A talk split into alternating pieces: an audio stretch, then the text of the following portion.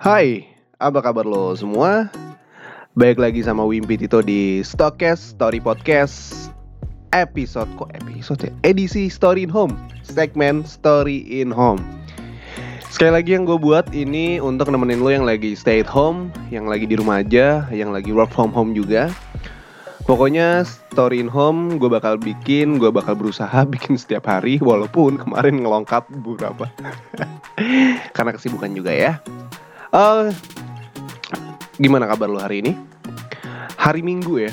Hari ini hari Minggu, jadi semoga have fun di rumah dan gini sih. Uh, gue sih kalau misalkan ada orang TV, uh, TV nasional yang denger, tolong ya kalau hari Minggu atau Sabtu, saya Minggu lah, Minggu nggak apa-apa lah Minggu aja. Please dari jam 5 subuh sampai jam 12 siang kartun dong. Iya sumpah. Kartun please. Jangan cuma Doraemon aja yang jam 8 Itu emang gak tergantikan sih ya. Tapi please Sabtu Eh Sabtu. Minggu aja deh. Minggu please Kartun. Ya Let's end go. Terus juga uh, Dan gue juga thank you udah uh, Apa namanya net Nampilin eh, Nayangin Subasa. Let's end go. Terus juga um, Apa ya uh, Kartun yang itu. Gundam ya dulu yang gue inget-inget ya terus Cibi Maruko-chan Hal yang menyenangkan hati banyak sekali bahkan kalau kita bermimpi. Eh, uh, Hamtaro. Tolong dong hari Minggu ya Dragon Ball tuh buat Indosiar. Terus apa lagi ya? Dragon Ball One Piece. Terus juga Class Gear, Crash Gear. Terus juga Beyblade. Terus juga Yu-Gi-Oh! Please dong kartun-kartun itu yang kita butuhin. Ya. Biar ya kita tetap stay di rumah untuk nonton TV gitu. Ya. Jadi biar nggak nonton YouTube mulu. Gue juga bosen lama-lama nonton YouTube. Nih kartun aja lah ya. Gue yakin banget kalau misalkan uh, eh, TV nasional nam nayangin kartun yang sama nih gue yakin banget itu TV langsung ratingnya naik. Karena banyak banget yang nonton TV pasti pasti coba aja deh. Ya kalau nggak percaya yaudah jangan percaya juga. Percaya sama Allah. Nggak tapi sumpah. Kalau misalkan emang stasiun-stasiun TV yang kayak RCTI atau Indosiar itu nayangin kartun lagi setiap hari Minggu gue yakin banget pasti banyak banget yang nonton. Ya selain anak kecil orang dewasa juga pasti nonton apalagi yang seumuran. Sorry. Yang seumuran gue yang kangen banget sama kartun-kartun itu pasti gue nonton sih. Sumpah handphone gue tinggalin sementara sampai jam 12 siang. Ya habis itu di Indosiar langsung patroli. Ya udah pokoknya biar stay di rumah please dong TV nasional untuk nayangin uh, ini lagi apa namanya nayangin kartun-kartun lagi ya. Oke? Okay?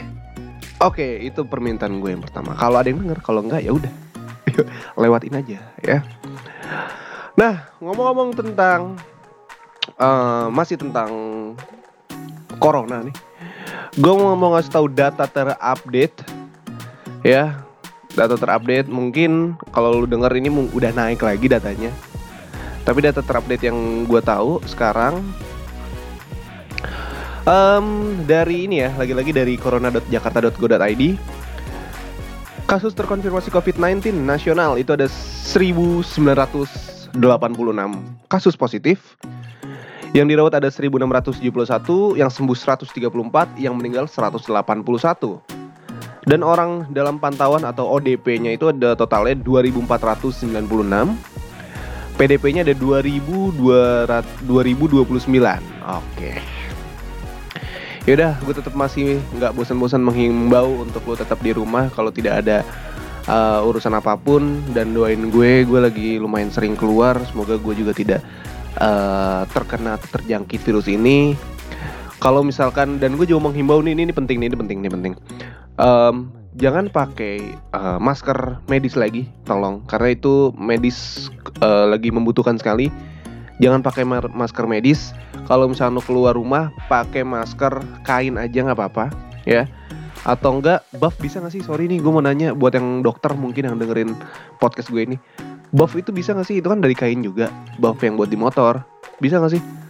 Karena kalau misalkan gue harus pakai lagi misalkan lagi bawa motor harus pakai masker terus gue tutupin buff itu nyesek banget sih. Nggak bisa napas gue ya jadi tolong buat yang ngerti buff itu termasuk masker nggak sih? Ya gue nggak tahu. Ya udah soal itu bahan juga ya. Yaudah itu terupdate uh, dari data pantauan COVID-19 di Jakarta ya sampai saat ini.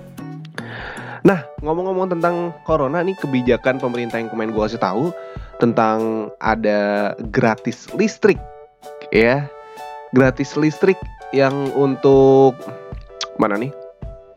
Um, um, um, um, um, um, um, um. Mm, oh ya untuk uh, yang daya 450 volt ampere dan juga 900 volt ampere ya. Gimana sih caranya untuk dapat listrik gratis? Hmm? Tenang ya. Nih caranya gampang banget ya. Caranya gampang.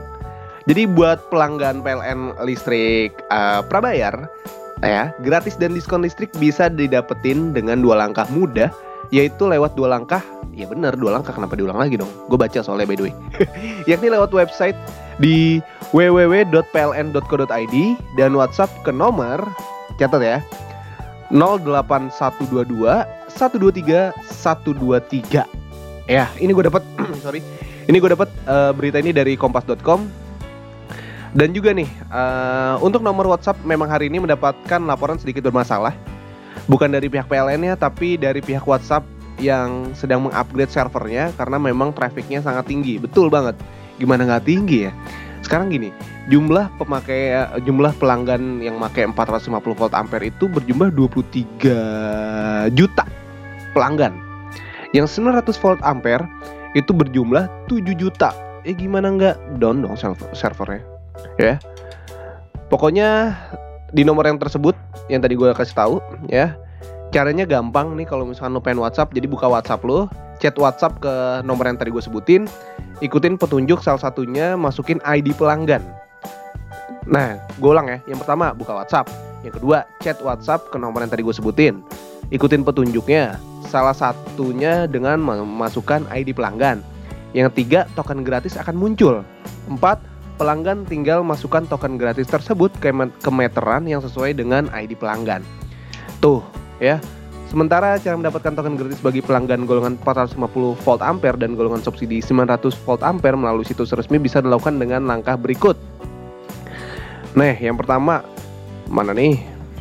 Tar.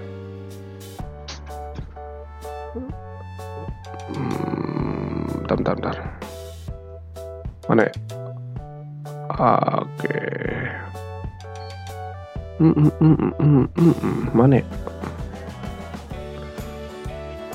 Mana nih? Ngilang. Oh pokoknya buka websitenya aja yang tadi gue sebutin itu sama ya kok caranya ternyata ya di ini buka buka websitenya di www.pln.co.id uh, kemudian masuk ke menu pelanggan dan langsung menuju ke pilihan stimulus COVID-19. Yang kedua, masukkan ID pelanggan atau nomor meter. Kemudian token listrik gratis PLN akan ditampilkan di layar. Yang ketiga, pelanggan tinggal memasukkan PLN token gratis tersebut ke meteran yang sesuai dengan ID pelanggan. Tuh.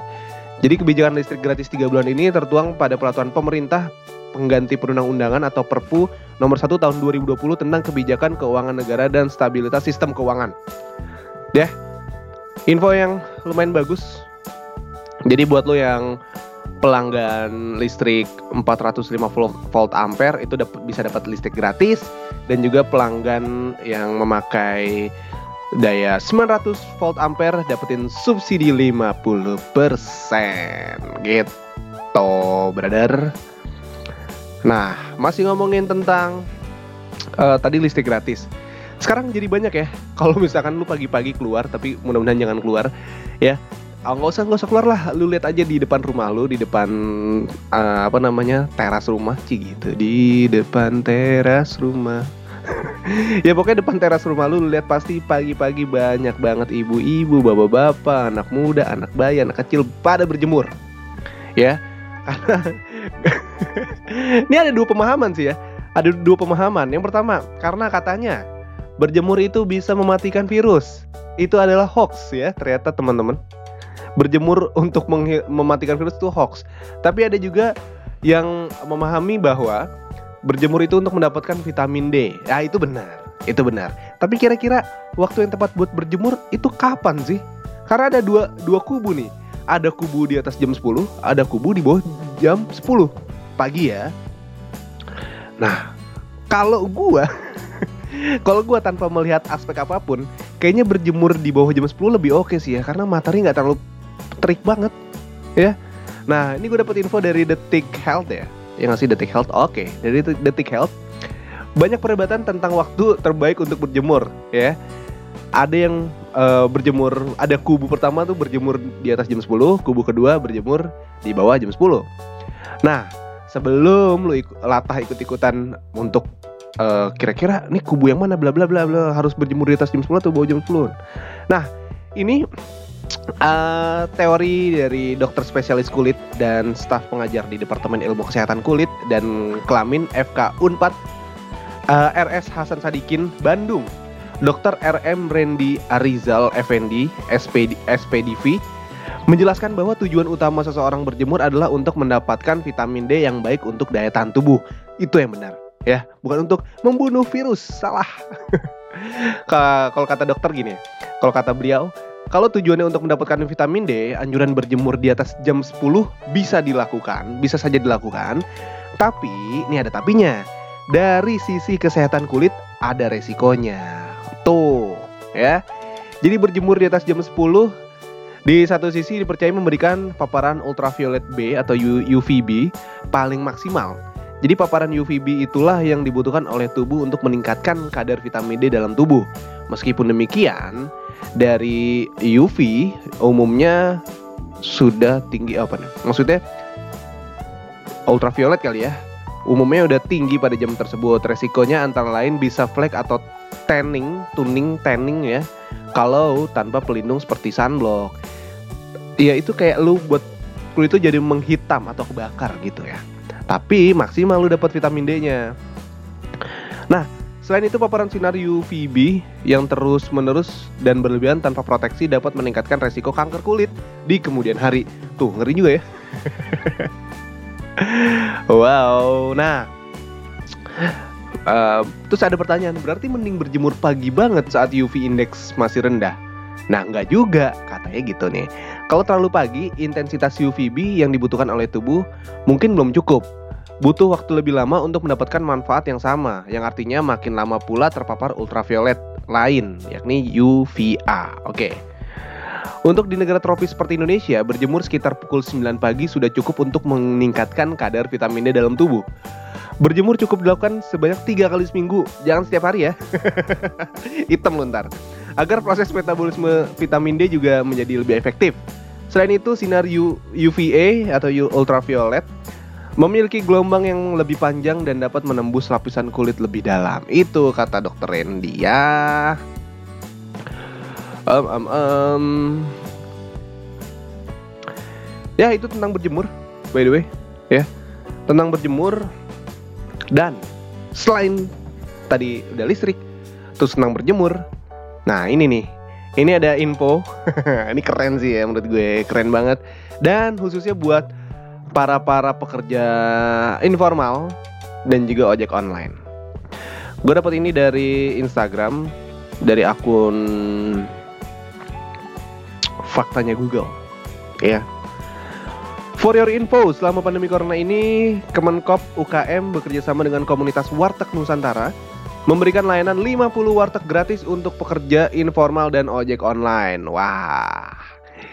Jadi di tengah pandemi corona ini semua berlomba-lomba dalam hal kebaikan. Good. Di sosial media pelanggan dana untuk membeli APD eh sorry penggalangan dana untuk membeli APD dan membagikan makan gratis pun dilakukan oleh berbagai kalangan. Kementerian Koperasi dan Usaha Kecil dan Menengah Kemenkop UKM ini juga bekerja sama dengan komunitas Warteg Nusantara memberikan layanan makan gratis atau warteg gratis untuk pekerja informal dan juga ojek online. Nah, nah layanan 50 warteg gratis ini tersebar di berbagai wilayah Jakarta, Depok, Bekasi, dan Tangerang. Wih, mantep ya. nah, ini gue bakal kasih tahu nih ya. Eh, uh, 50 daftar layanan gratis.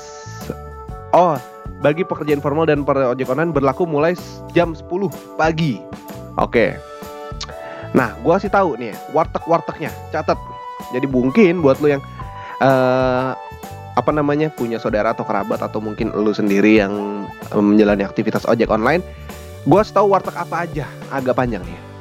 Warteg apa aja? Oke, gue mulai dari Jakarta Pusat. Itu ada warteg Nurul di Tekucik di Tiro, warteg Pesona Bahari di Jalan Taruna. Nah, masuk ya rekaman gue. Oke. Terus ada warteg Putra Samudra di Jalan Salemba Tengah. Warteg Putra Bahari Sahari di Jalan Keramat 3 Kuitang, Senen. Warteg Rido Ibu, Jalan Matraman nomor 22. Warteg Barokah di Jalan Keramat Pulo. Oke, itu Jakarta Pusat. Sekarang Jakarta Selatan. Apakah Jakarta Selatan ada yang deket rumah gue? Jakarta Selatan, Warteg Putra Bahari, Jalan Cidodol, Raya. Wih, deket SMA gue. deket SMA gue ini Cidodol. Terus ada Warteg Liah Jaya, Jalan Lebak Bulus Tengah. Warteg Putra Bahari di Jalan Cidodol Raya. Nah, ini udah. Udah, boy. Kau ulang. Wah, cuma dua doang, tiga doang. Dua doang berarti nih Warteg Putra Bahari Jakarta Selatan kok dikit banget. Jakarta Timur nih banyak banget nih ya. Warteg Bu Ali Jalan Matraman Raya, Warteg Rido Ibu Jalan Otista Raya, Warteg Putra Bahari Jalan Jalan Raya Jatinegara Barat. Nih Putra Bahari dia eh, ini ekspansi bisnis nih. Gila. Franchise nih jangan-jangan ya. Warteg Gaul, Widi, Jalan Waringin nomor 16. Warteg Karisma Bahari, Jalan Hasan, Jalan Haji Hasan. Warteg Damin Bahari, Jalan Balai Rakyat. Warteg Mamoka Bahari, Jalan Kerja Bakti. Warteg Mamoka Bahari lagi, Jalan Kalisari Raya. Warteg Galih, Komplek Jenderal Urip, Sumoharjo, samping Mes Kavleri. Warteg Bahari, Jalan Raya Pondok Gede. Oke, Jakarta Timur. Warteg Rido Ibu Pinang Ranti Jalan Raya Pondok Gede Pinang Ranti. Warteg Mustika Jalan Raya Bogor. Tapi di Keramat Jati ya Jalan Raya Bogornya bukan di Bogor. Warteg Mamoka Bahari di Jalan Raya Mangka eh Jalan Raya Cilangkap Cipayung. Oke lanjut di Jakarta Barat. Warteg Putra Bahari Blok Mandalika nomor 6 Eh nomor 12 sorry. Warteg Mamoka Bahari Jalan Kedoya Raya. Warteg Mbak Ira Jalan Bahagia. Mbak Ira. Nih bukannya ini. Oke next. Warteg Sami Asih Jalan Dan Mogot Warteg Bian Jalan Keamanan Raya. Eh, Itu ya. Itu beberapa semua warteg yang ada di Jakarta. Yang gue sebutin semoga lu bisa kasih tahu. Dan itu uh, buat pengendara ojol Itu bisa mendapatkan makan gratis Tapi mulai jam 10 pagi. Ya capek juga gue ngomong. 7 18 menit. Ya udah. Udah kalau gitu berita sekian.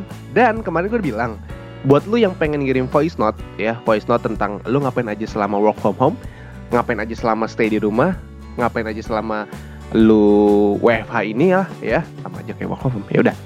Lu boleh kirim voice note lu lu boleh kirim voice note lu ke email stokes ya di stokes.id at gmail.com karena voice note lu bakal gue masukin di story in home jadi langsung naik besoknya.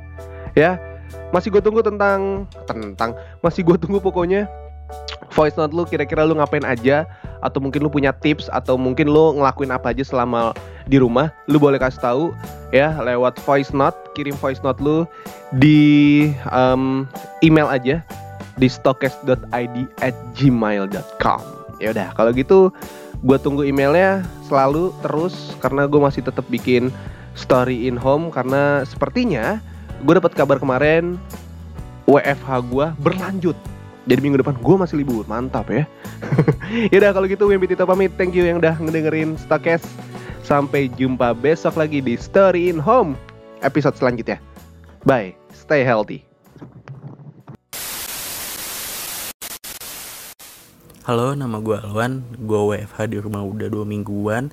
Kegiatan gue tuh bangun tidur, cuci muka, terus makan. Abis itu lihat grup WhatsApp. Kalau ada kerjaan ya gue kerjain. Kalau nggak ada ya gue rebahan. Udah sih gitu aja pesennya. Jaga kesehatan ya guys. Halo, gue Firda. Jadi selama 14 hari ini gue yang gue lakuin itu gue nonton film di Netflix sampai pagi. Terus gue tidur sampai siang. Bangun gue makan dan itu rutinitas gue lakuin lagi. Mentok-mentok bedanya ya gue belajar-belajar masak sama main tebak gambar gitu deh